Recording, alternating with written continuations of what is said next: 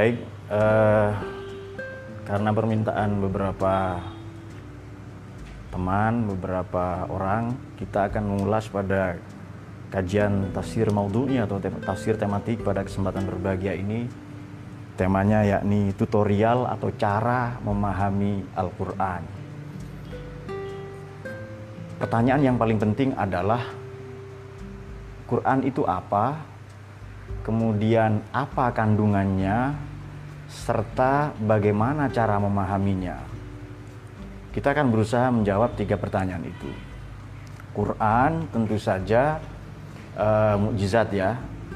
Ya mushaf kitab suci yang diturunkan kepada Nabi Agung Muhammad sallallahu alaihi wasallam 6236 ayat dari Quran. Kemudian 114 surat yang sangat populer itu. Barangkali pertemuan-pertemuan yang lampau sudah kita sebutkan ada berapa hurufnya, titiknya, harokatnya macam-macam ya dalam Mukjizatul Qur'aniyah atau Fununul Afnan. Quran ini bacaan yang sempurna sebagaimana makna semantik atau harfiahnya. Qoro'a mengikuti huruf dengan suara. Para ulama lazim menerjemahkan dengan membaca. Itu betul. Qoro'a yakro'u Qur'anan. Tambahan an bermakna sempurna. Quran artinya bacaan yang sempurna. Kemudian eh, ia mukjizat. Ia seperti seperti mutiara, seperti permata yang kalau kita memandangnya dari berbagai sisi, kita akan mendapatkan temuan-temuan baru, makna-makna baru, keindahan-keindahan yang baru. Baik, itu definisi yang gampang. Kemudian apa kandungan dari Al-Qur'an? Kandungan Quran itu apa? Isinya konten dari Al-Qur'an itu apa? Uh, apa kandungan dari Quran? Pertama tentu saja tujuan mengapa Quran itu diturunkan. Jadi ada yang katakan 4, ada yang katakan 6, ada yang katakan 9, banyak sekali ya para ahli Quran ini memberikan.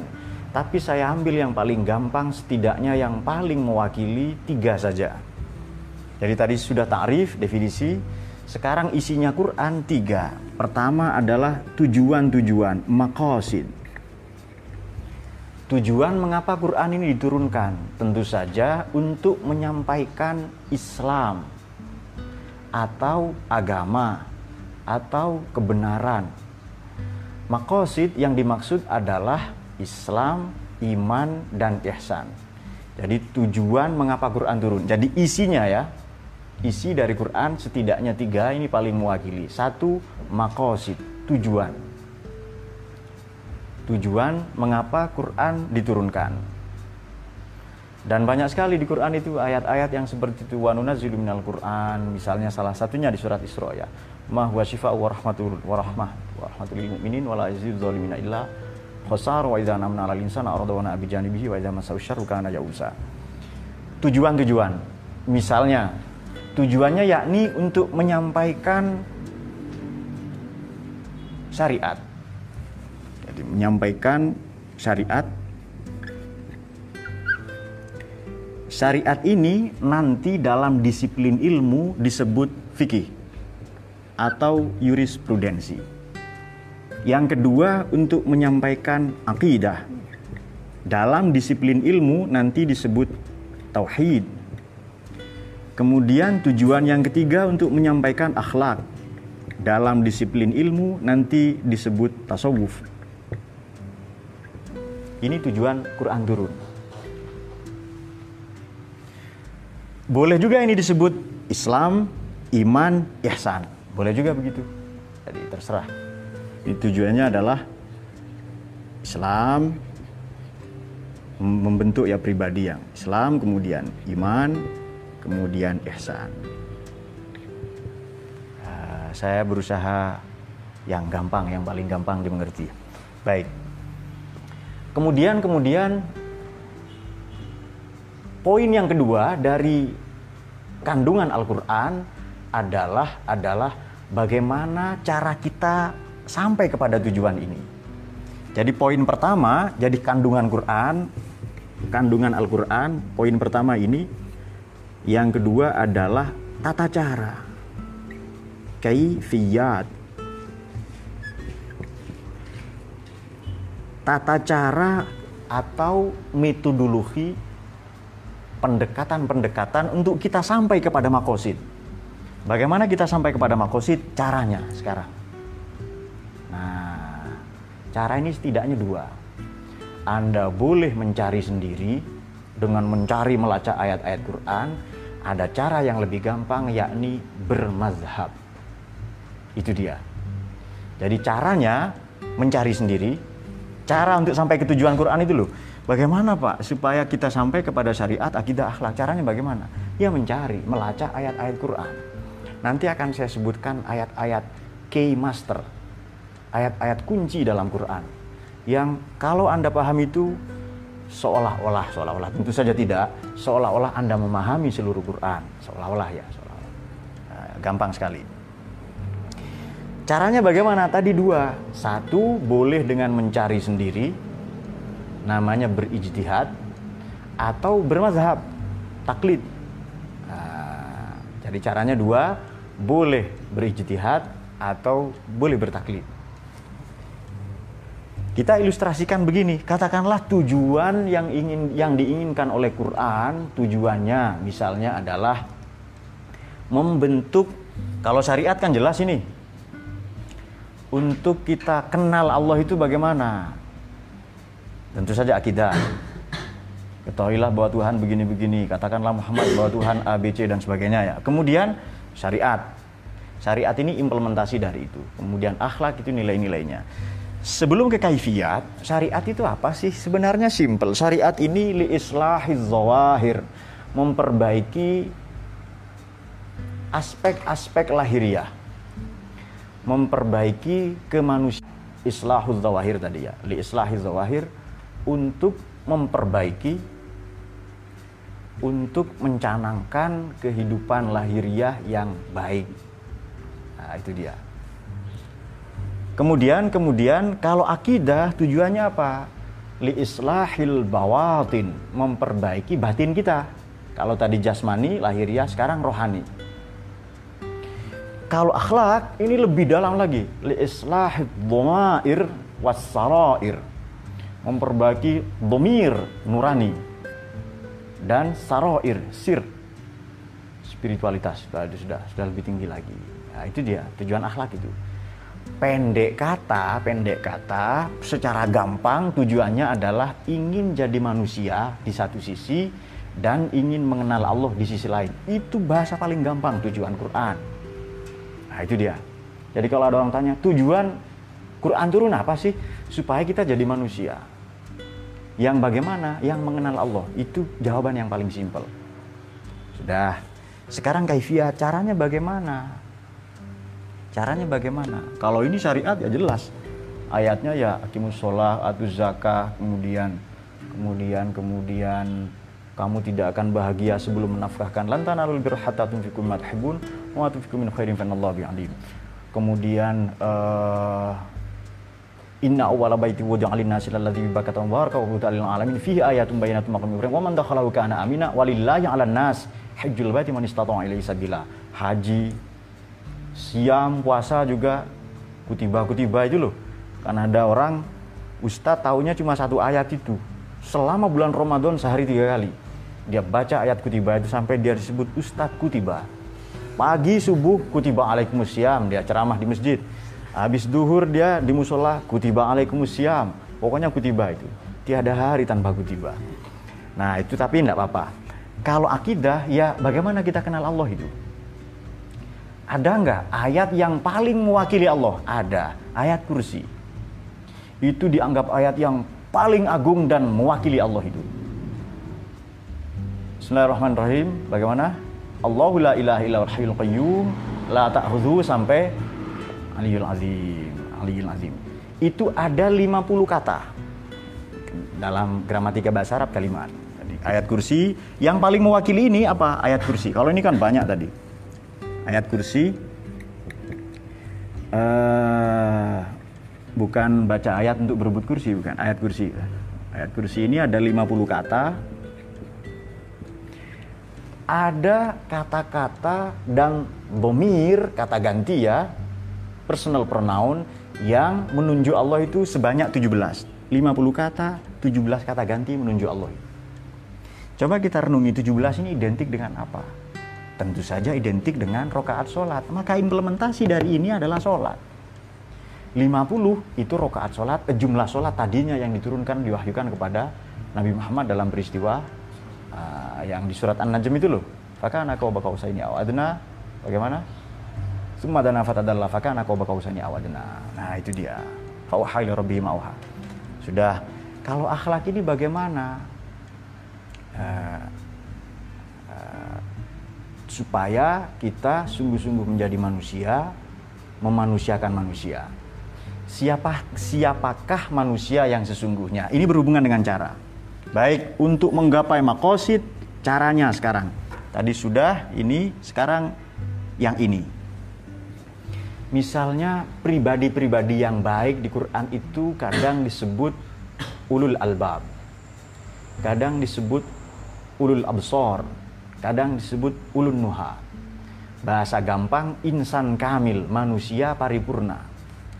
Bagaimana sih kalau sudah sanggup menjalankan syariat akidah akhlak, Siapa itu? Ya manusia paripurna. Kalau sudah mampu jalankan makosid namanya, kalau sudah tiga-tiganya mampu ini loh, insan kamil. Ah, manusia paripurna. Uns, ini maknanya tendensi atau jina. Insan kamil. Manusia paripurna. Siapa insan kamil itu? Kita bisa membaca misalnya misalnya Ali Imran 191. Allazina yadhkuruna Allah qiyaman wa qu'udan wa 'ala junubihim wa yatafakkaruna fi khalqis samawati wal ardi rabbana ma khalaqta hadza batilan subhanaka faqina adzabannar. Sasaran yang ingin dituju adalah ini insan kamil atau apa tadi ulul ulul albab atau ulul nuha. Siapakah dia? Allazina yadhkuruna Allah, mereka yang senantiasa berzikir. To mention dan to remember. Menyebut-nyebut dan mengingat-ingat. Sadar nggak? Sudah pasti sadar dong. Mengingat Allah masa nggak sadar itu. Cerdas nggak? Sudah pasti cerdas. Mengingat Allah nggak cerdas itu. Nggak usah ditanya itu. Itu pernyataan Sidina Abu Bakar itu. Orang yang paling pintar adalah yang bertakwa, yang paling cerdas ya. Kaisul Kais at itu yang paling pintar, yang paling cerdas adalah yang bertakwa. Sudahlah berzikir dia kiaman berdiri dalam keadaan berdiri wa dan duduk wa ala junubihim dan berbaring tidak hanya itu, lantas wayatafakkaruna fi khalqis samawati wal ard. Ini saya tidak baca banyak tafsir ya, tidak seperti kemarin yang kita sodorkan banyak sekali dari At-Tabari, kemudian Ruhul Ma'ani dan seterusnya ya, Al-Kasyaf dan lain-lain. Kita akan sampaikan yang simpel sekali pada kesempatan berbahagia ini. Uh, wayatafakkaruna dan senantiasa merenung memikirkan fi khalqis samawat tidak langsung merenungi langit dan bumi tapi fi khalqis samawat. Yang direnungi adalah Perhatikan kata kholkun dalam penciptaan supaya kita sampai kepada hakikat al-khaliq pencipta al-bari al-badi' supaya kita sampai ke sana. Yang direnungi ciptaannya, penciptaannya, prosesnya. Nah, itu dia. Setelah itu nanti sampailah pribadi ulul albab, ulil absor, ulil nuha insan kamil ini sampai pada kesimpulan Rabbana ma khalaqta. Sungguh Allah tidak menciptakan ini semua sia-sia. Bahkan Allah tidak merasa malu menciptakan nyamuk di Baqarah itu. Inna Allah la yastahi riba masalam ba'udatan fama fuqaha. Ya Baqarah itu cari sendiri pokoknya. Nah, sudah fakina azaban nar nanti supaya dijauhkan dari dari itu ya eh, itu tata cara jadi caranya bagaimana kalau melacak sendiri sulit anda bukan praktisi di bidang Quran tafsir misalnya caranya ikut ulama. Bagaimana cara memahami Quran? Ngaji fikih mas. Disiplin ilmu. Ngaji fikih ngaji tauhid ngaji tasawuf itu. Dan ini semua ada di pesantren. Kampus belum tentu.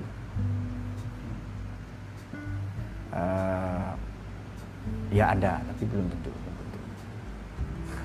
Ngaji fikih. Dari yang tipis-tipis dulu, dari takrib misalnya, Fathul Qorib ya. Furudul Wudu'i, Mujibatul Gusli, itu semua disiplin-disiplin ilmu yang dirancang oleh ulama tujuannya apa? Untuk kita memahami Quran. Jadi kalau ada orang sampaikan gerakan kembali ke Quran adalah gerakan kembali ke pesantren. Gerakan ngaji seperti ini nih loh sebenarnya. Ngaji fikih, ngaji tauhid, ngaji tasawuf itu. Yang berjenjang, yang berjenjang. Dari takrib, Fathul Qorib ya nanti Fathul Mu'in, lalu syarahnya yang Anatul Tolibin, lalu Fathul Wahab. Baru nanti belajar Muqaranatul Mazahib, perbandingan mazhab baru nanti muqaranatul adyan, perbandingan agama. Begitu pula tauhid. Begitu pula tasawuf ya dan seterusnya. Jadi caranya boleh mencari sendiri, boleh bermadhab. Katakanlah makosid saya adalah Jakarta. Bagaimana supaya sampai ke Jakarta? Saya boleh jalan sendiri, Anda ngesot silahkan. Anda merangkak silahkan. Berjalan sambil kayang Pak, tidak apa-apa. Cuma cara yang simpel adalah bermazhab kepada mufassirin, kepada para ulama itu, kepada fuqaha, kepada kepada mutakallimin, kepada mutasawwifin. Mutakallimin para teolog, mutasawwifin para para sufi. Bermazhab ini bahasa yang simpel, perumpamaan yang gampang adalah ikut atau mengendarai moda transportasi umum. Supaya sampai ke Jakarta boleh jalan sendiri kalau tahu silahkan. Tetapi akan lebih gampang kalau kita kalau kita kalau kita ikut transportasi umum. Naik bis naik kereta api boleh naik pesawat terbang ngojek nggak apa-apa kalau mau eh, dan seterusnya baik eh, yang terakhir adalah isinya Quran adalah burhan atau barohin bukti-bukti apa bukti-bukti bahwa Quran itu benar? Apa bukti-bukti bahwa Islam itu benar? Kalau akidah itu sudah jelas. Quran, Islam, Kanjeng Nabi adalah musaddiq, pembenar ajaran Nabi terdahulu. Burhan, bukti, empirik, argumentasi, rasional dari kitab-kitab suci terdahulu. Itu Islam. Sampai-sampai Inayat Han mengatakan bahwa ad-din wahid wa syari'atu mukhtalifah. Agama itu satu saja, syariatnya saja yang banyak. Eh, beberapa orang banyak nanti mengkritisi ini. Di Chicago misalnya Wilfred Kenchwell Smith mengkritik ini. Kemudian uh, ya seorang peneliti sufi perempuan Anne Mary Schimmel juga mengungkap ini dengan sangat baik. Dia contohkan begini kalau Anda datang ke hutan, Anda akan mendapati jenis pohon yang berbeda-beda. Ada yang pendek, ada yang tinggi. Kemudian ada yang tumbang, ada yang miring dengan jenis daun yang aneh-aneh. Banyak pula yang menakutkan. Coba view from above. Coba naik ke ketinggian. Kalau kita naik 100 meter tinggi, nanti pohon yang berbeda-beda ini akan nampak satu kesatuan universal yang disebut hutan. Itu dia maka sesekali kita perlu naik pada ketinggian itu. Ta'alau ila kalimatin sawa. Ta'alallahul malikil haq. Ayo naik ke ketinggian itu. Maksudnya apa? Ayo belajar ke pesantren luhur semua. Maksudnya begitu. Nah, prinsip yang demikian itu akhlak namanya. Kalau sudah kita naik ke ketinggian, nanti kita tahu itu. Oh, ternyata ini satu kesatuan pohon saja. Yang yang berbeda-beda tapi maknanya satu pohon. Nah, itu dia. Apa buktinya? Saya tinggal sodorkan. Saya tidak percaya kamu mau ke Jakarta. Lalu saya sodorkan, ini tas saya, ini tiket saya, ini perlengkapan saya. Jadi, tiket kereta api mungkin boleh bisa terbang ya. Itu bukti. Bukti kebenaran Quran apa?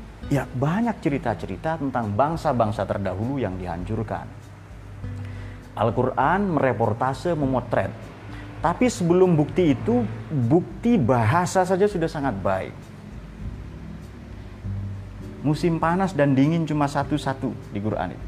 Syita dan soif. Li'ila fi Quraisyin ila fi rahlatas syita wa soif. Syita dan soif.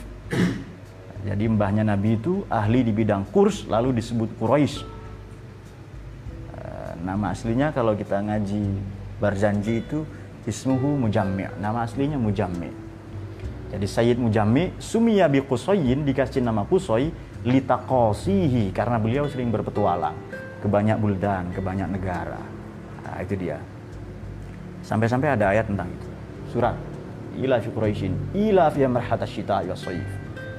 Karena memang bangsa Quraisy ini sering rehlah berpetualang. Syita musim dingin ke selatan ke Yaman, Soif musim panas uh, ke utara. Jadi musim panas selatan, Soif sampai ke Iskandaria sampai ke Eropa. Baik, uh, kemudian dunia 115 kali, akhirat 115 kali. Hari di Quran 365 kali dalam bentuk mufrad. Kemudian dalam bentuk jamak ayam itu 30 hari. Syaiton 88 kali, malaikah 88 kali, syayatin 11 kali. Kalau dijumlah 99. Jadi kalau Anda mau tahu begini perlu proses agak lama tapi tidak apa-apa. Ini bukti bahwa Quran itu keren, bahwa ia bukan bukan bikinan manusia. Ada orang yang menduga Nabi Muhammad SAW penyair, tidak. Amalam nausyirama yang bagilah. In wa illa dzikru wa Qur'anum mubin. Tidak. Tidak pantas Nabi di mengetahui atau diajarkan puisi itu ya. Meskipun waktu itu elit lokal itu tiga. Elit jahiliyah. Kalau tidak syair, artis, penyair, kemudian kahin. Kahin itu apa? Politisi ya. Oh dukun. Dia kan dukun-dukun yang merekayasa sosial kan. Nah, mungkin itu yang makna politisi. Lalu sahir. Sahir juga maknanya politisi. Ah, apa? Ya tukang sihir lah. Sihir kontemporer kan lagi-lagi politisi. Nah, itu dia. Nah, ini mengindikasikan bahwa uh, kebenaran Quran dari segi bahasa macam-macam lah ya.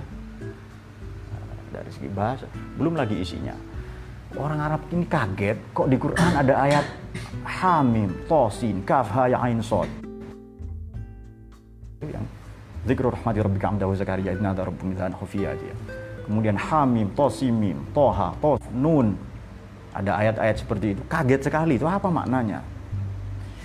Nah, sudah. Itu bukti-bukti. Belum lagi isinya. Wah, ini isinya sudah jelas. Kalau kita tunjukkan bukti. Baik. Mari kita buktikan satu ayat saja di Quran yang mewakili seluruh kebaikan dan keburukan. Nah, ini ayat yang kita janjikan. Anda kalau tahu ini, satu ayat ini, dan mengamalkan ayat ini, Anda berarti mengamalkan seluruh kebaikan dan menghindarkan seluruh keburukan. Nah, itu kita bisa mendapatinya di surat Al-Nahl ayat 90. Ini kalau sering Jumatan tahu. Ya, mungkin ada mahasiswa yang jarang Jumatan. Hari jumlah hari dalam seminggu cuma enam Senin, Selasa, Rebu, Kemis, Sabtu. Tidak ada hari Jumat. Karena dia tidak Jumatan. Nah, mula-mula dipopulerkan oleh Khalifah Umar bin Abdul Aziz memimpin menjabat 119 sampai 121 hanya dua tahun setengah dianggap Khulafaur Rasyidin yang kelima waktu itu orang benci kepada Ahlul Bait benci ustadz-ustadz ada perintah dari penerus wangsa Umawi, dinasti wangsa itu ya, empire, imperium, daulah bahasa Arabnya. Bahasa Indonesianya wangsa. Wangsa Umawi yang didirikan oleh Muawiyah bin Abi Sufyan bin Harb bin Umayyah bin Abdi Syams bin Hashim menyatakan penerus-penerusnya ya, pengganti-penggantinya lah. Yazid dan, dan terus ke bawah itu. Pokoknya harus mencaci maki Ahlul Bait. Lalu nanti dilarang oleh Khalifah Umar bin Abdul Aziz. Mulai sekarang jangan membenci. Sebab Allah memerintahkan innallaha ya'muru bil 'adli wal ihsan wa ita'dzil qurba wa yanha 'anil fahsya'i wal munkari wal baghi ya'izukum la'allakum tazakkarun. An-Nahl 90. Innallaha sesungguhnya Allah ya'muru. Jadi bukan bukan nabi, bukan orang tua, bukan guru, bukan kepala suku, bukan presiden yang perintah Allah sendiri dan terus menerus karena ya'muru progresif and future, hal dan mustakbal itu. Allah senantiasa menyuruh terus menerus ya, tidak berhenti berhenti itu. Untuk apa? Bil adli wal ihsan wa ita izil kurba. Itu kebaikan. Wayanha anil fahsya iwal mungkari wal baghi. Itu keburukan. Jadi kalau kita jalankan nilai ini, kita sudah jalan, jalankan semua kebaikan yang ada di agama dan negara. Saya ulangi, kalau kita menjalankan surat An-Nahl 90, kita sudah menjalankan ayat ini merangkum seluruh kebaikan dan keburukan. Nah, itu saja satu ayat itu. Jadi intinya mau ngomong itu saja dari tadi. Inna Allah, sungguhnya Allah ya'muru senantiasa memerintahkan amr ya. Banyak sekali amr di Quran itu. Jadi interjection. Sama dengan prohibition, larangan, nahi. Bil adli untuk berbuat adil. Pengertian yang gampang dari adil menempatkan sesuatu pada posisinya. Adil dalam bernegara bagaimana? Adil adil dalam berbangsa itu bagaimana? Adil kepada Allah itu bagaimana? Adil dalam bermasyarakat, berkeluarga, berumah tangga, bergaul, jadi lupa sekali itu. Bagaimana memperlakukan orang tua, bagaimana memperlakukan pemimpin, bagaimana memperlakukan ulama, bagaimana memperlakukan non-muslim yang beda pendapat, beda mazhab, plus beda pendapatan misalnya. Bagaimana memperlakukan itu? Itu adil itu. Assalamualaikum. Kalau Anda menjawab Waalaikumsalam, adil. Tapi yang lebih tinggi, ihsan. Jadi kalau adil, mengambil hak Anda sebagaimana Anda memberikan kewajiban. Adil. Kalau ihsan, mengambil jauh lebih sedikit atau bahkan tidak mengambil sama sekali hak Anda dengan memberikan seluruh kewajiban. Ihsan. Innallaha ya'muru bil adli wal ihsan. Adil, ihsan, kemudian ita'i zil kurba. Adil itu? Ihsan ini kalau saya assalamualaikum anda menjawab waalaikumsalam warahmatullahi wabarakatuh. Wa maghfiratuh itu ihsan. Ada orang memukul anda membuli mencaci maki anda anda diam tidak membalas. Anggap saja itu yang bicara botol misalnya. Nah, itu ihsan. Nah, itu dia mengambil lebih sedikit atau bahkan tidak mengambil sama sekali hak anda dengan memberikan kewajiban anda secara totalitas sepenuh-penuhnya. Nah, itu ihsan. Ita idil kurba. Berbuat baik, menafkahi, menyumbang, membantu, memberikan beasiswa kepada kerabat, akorib. Jadi, syafakoh, bainal akorib. Berkasih sayang antara kerabat. Kerabat itu dekat. Kenapa bahasanya yang dipakai kurba? Kenapa akorib yang bahasa yang dipakai Quran? Kenapa? Karena di musim-musim kampanye para politisi itu nyumbang saudara yang jauh. Di mana di mana tujuannya supaya mendulang suara elektoral. Padahal kalau dia sakit, zil kurba, kerabat dekat yang membantu kita, yang menolong kerabat dekat. Anda boleh punya sahabat, sahabat misalnya sahabat sos sosmed Anda ya. Tapi tentu nanti yang paling membantu adalah adalah apa Mas? Adalah adalah adalah zil kurba. Ini memang tidak terlalu cerdas kalau sore ini. Allahumma sholli ala sayyidina Muhammad. Nah, itu dia. Sudah ini kebaikan. Sedikit lagi. Sekarang apa yang merangkum keburukan? Wayanha anil fahsya iwal mungkari wal bagi. Tiga keburukan itu. Fahsya, mungkar, bagi. Bugot. Fahsya, mungkar, bagyun atau bugot fahsya ini buruk menurut agama, negara, norma, dan nilai-nilai. Yang gampang, buruk menurut agama dan negara. Sudah itu. Dulu para ulama contohkan ini zina. Kalau zaman sekarang extraordinary crime adalah korupsi. Sudah mungkar. Mungkar ini mungkin menurut agama baik, tapi menurut tradisi tidak baik. Dengan istri berciuman di jalan raya misalnya di jembatan padahal ada ada kontainer lewat misalnya peti kemas itu. Itu berbahaya. Jadi ma'rufnya orang kulon adalah berciuman dengan istri di pinggir jalan. Kita tidak ma'ruf itu kita mungkar di sini. Jadi ma'rufnya barat dengan sini beda. Nah, sudah itu mungkar ya. Mungkin agama tidak melarang mungkar itu tapi tradisi nilai-nilai norma melarang kalau bagyun buhot ini melampaui batas. Apa pun yang melampaui batas itu bugot. wudhu membasuh muka tiga kali tapi anda membasuhnya 17 kali itu melampaui batas malah tabzir malah mubazir ya Nah, itu ayat yang dianggap mewakili seluruh kebaikan dan keburukan. Ya'izukum demikian Allah memberi mauizah kepada kalian semua la'allakum la'allakum supaya kamu la'allakum Duh, berikutnya supaya kita sadar itu la'allakum tadzakkarun. Uh, sudah. Kemudian kemudian adakah ayat yang lain? Ada ayat yang dianggap mewakili kasih sayang Allah itu. Mengapa sih harus ihsan, berbuat baik? Adakah ayat yang dianggap mewakili seluruh kasih sayang Allah? Ada. Itu ada di Zumar ayat 53. Bismillahirrahmanirrahim. Qul ya ibadiyalladzina asrafu ala anfusihim la la taqnatu min rahmatillah. Innallaha yaghfiru dzunuba jami'an. Innahu ah, ini kalau jarang baca Quran. Baca Quran setahun sekali nunggu Ramadan.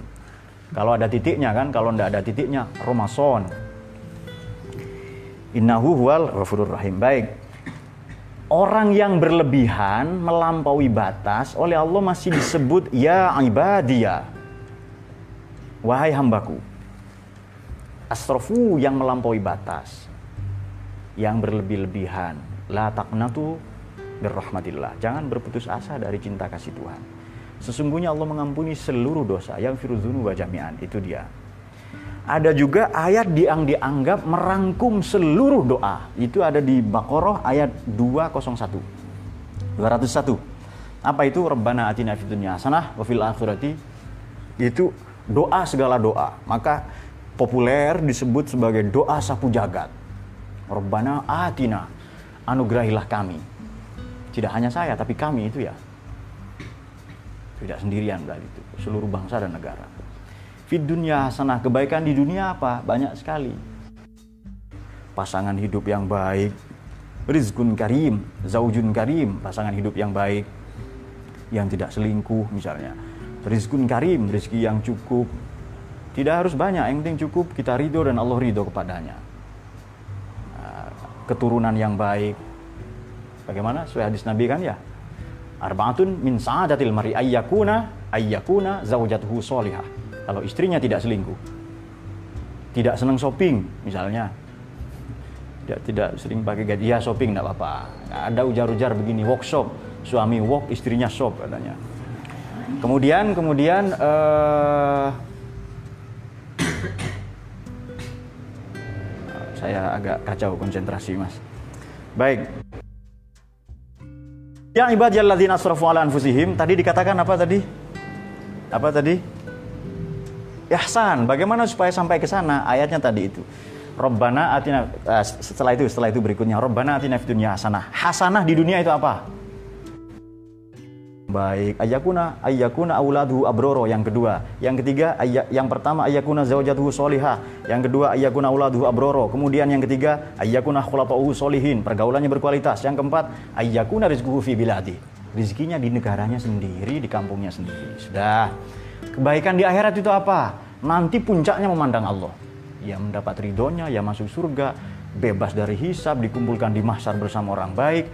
Bahkan nanti yang terakhir adalah adalah memandang wajah Allah itu. Itu uh, wafil akhirati hasanah. Allahumma sholli ala sayyidina Muhammad. Mungkin itu saja ya, uh, itu saja. Ini saya kira sudah cukup. Jadi Quran itu bagaimana tutorial cara memahami Quran yang gampang. Quran itu punya banyak kandungan. Setidaknya ada enam, ada yang katakan sembilan, ada yang dua belas, ya banyak sekali. Dari Syaizuddin dan Salam, dari At-Tabari, dari banyak sekali itu. Tapi setidaknya tiga paling mewakili maqasid, kaifiyat, barohin. Tujuan mengapa Quran turun, bagaimana cara untuk sampai ke tujuan, bukti-bukti bahwa Quran benar. Nah itu dia.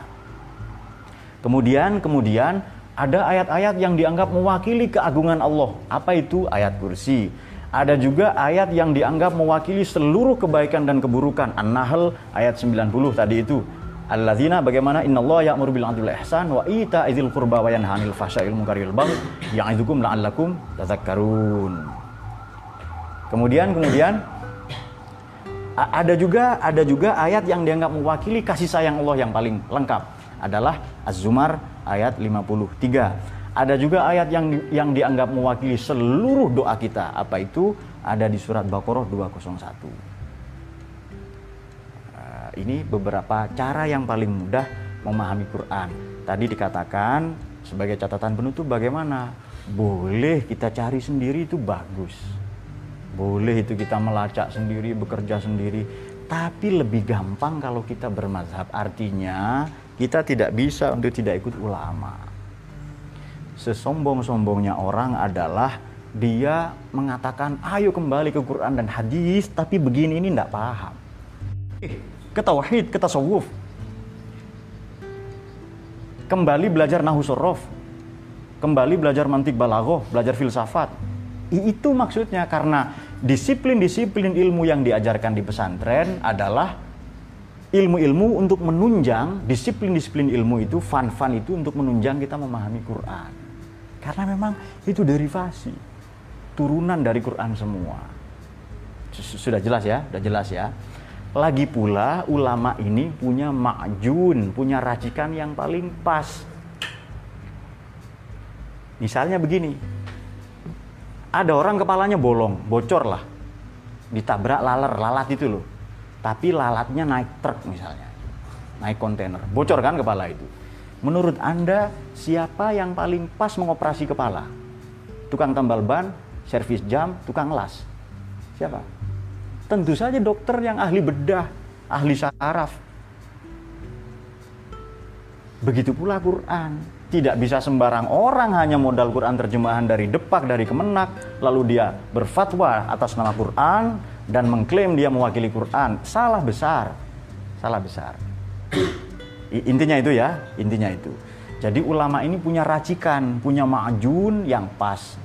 Oh, Anda pemula, belajar fikih dulu. Sembari ya belajar tajwid, belajar. Tapi fikih dulu kenapa? Tata cara sholat. Ibadah-ibadah mahdoh itu yang penting. Sembari belajar tauhid, akidatul awam misalnya, nanti berikutnya kifatul awam. Lalu dasuki umul barohin misalnya. Baru nanti terus ya tasawuf misalnya Futuhatul Makiyah dan dan lain-lain. Nah, uh, ini yang paling tahu ulama. Makanya begitu Wali Songo datang, tidak langsung tidak langsung babus zakah, kita sholat tidak. Orang belum siap untuk itu. Jadi diperkenalkan Allah itu dengan bahasa tradisi, dengan bahasa kesenian, dengan bahasa kebudayaan. Nah, itu dia.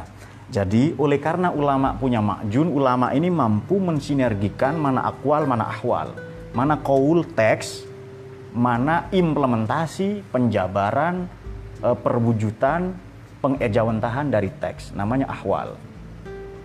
Maka yang paling pandai, yang paling pas mengkontekstualisasikan muqtadoyatul hal, siapa yang paling pas? Ya ulama itu sendiri. Ya ulama itu dokter,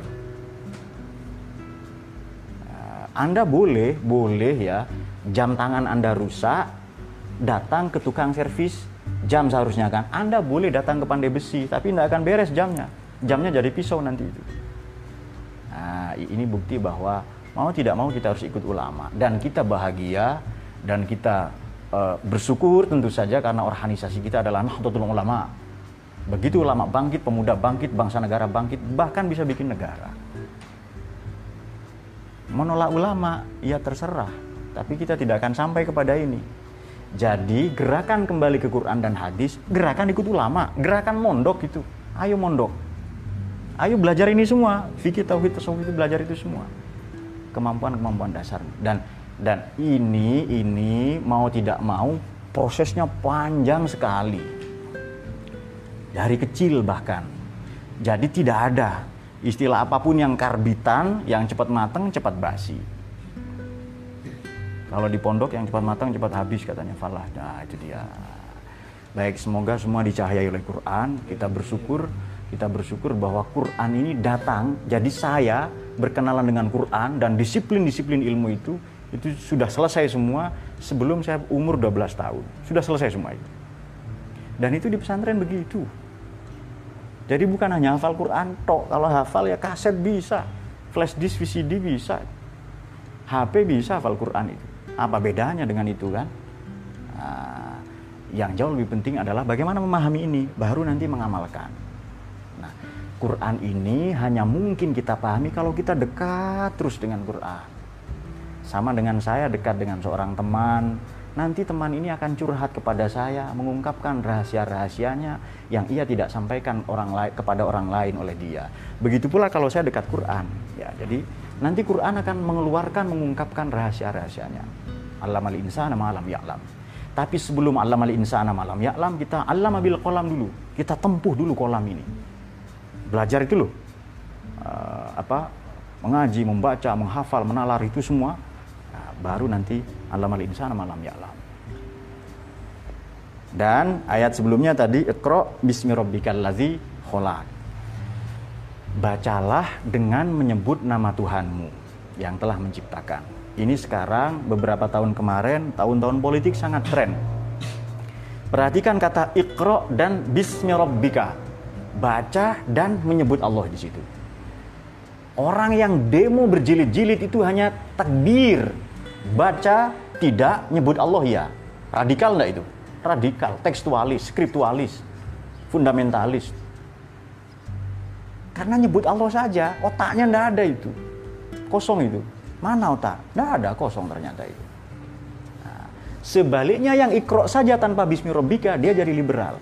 Jadi ini sebenarnya jalan ahlu sunnah, ikro bismi rabbika ini, jalan tawassut wal i'tidal. Kalau Anda ikro saja, Anda taturruf tasahuli liberal, ekstrim kiri. Kalau nyebut Allah saja tanpa baca, Anda taturruf tasyaddudi, ekstrim kanan. Bahkan jadi ISIS seperti itu. Nah, ini jalan tengahnya bagaimana? Ikro bismi rabbika. Baca dan menyebut Allah itu. Artinya apa? Intelektualitas dibangun, spiritualitas juga. Anda boleh melakukan petualangan intelektual sejauh-jauhnya, tapi pendakian spiritual juga harus setinggi-tingginya. Semoga semua dijahili Al-Quran ya.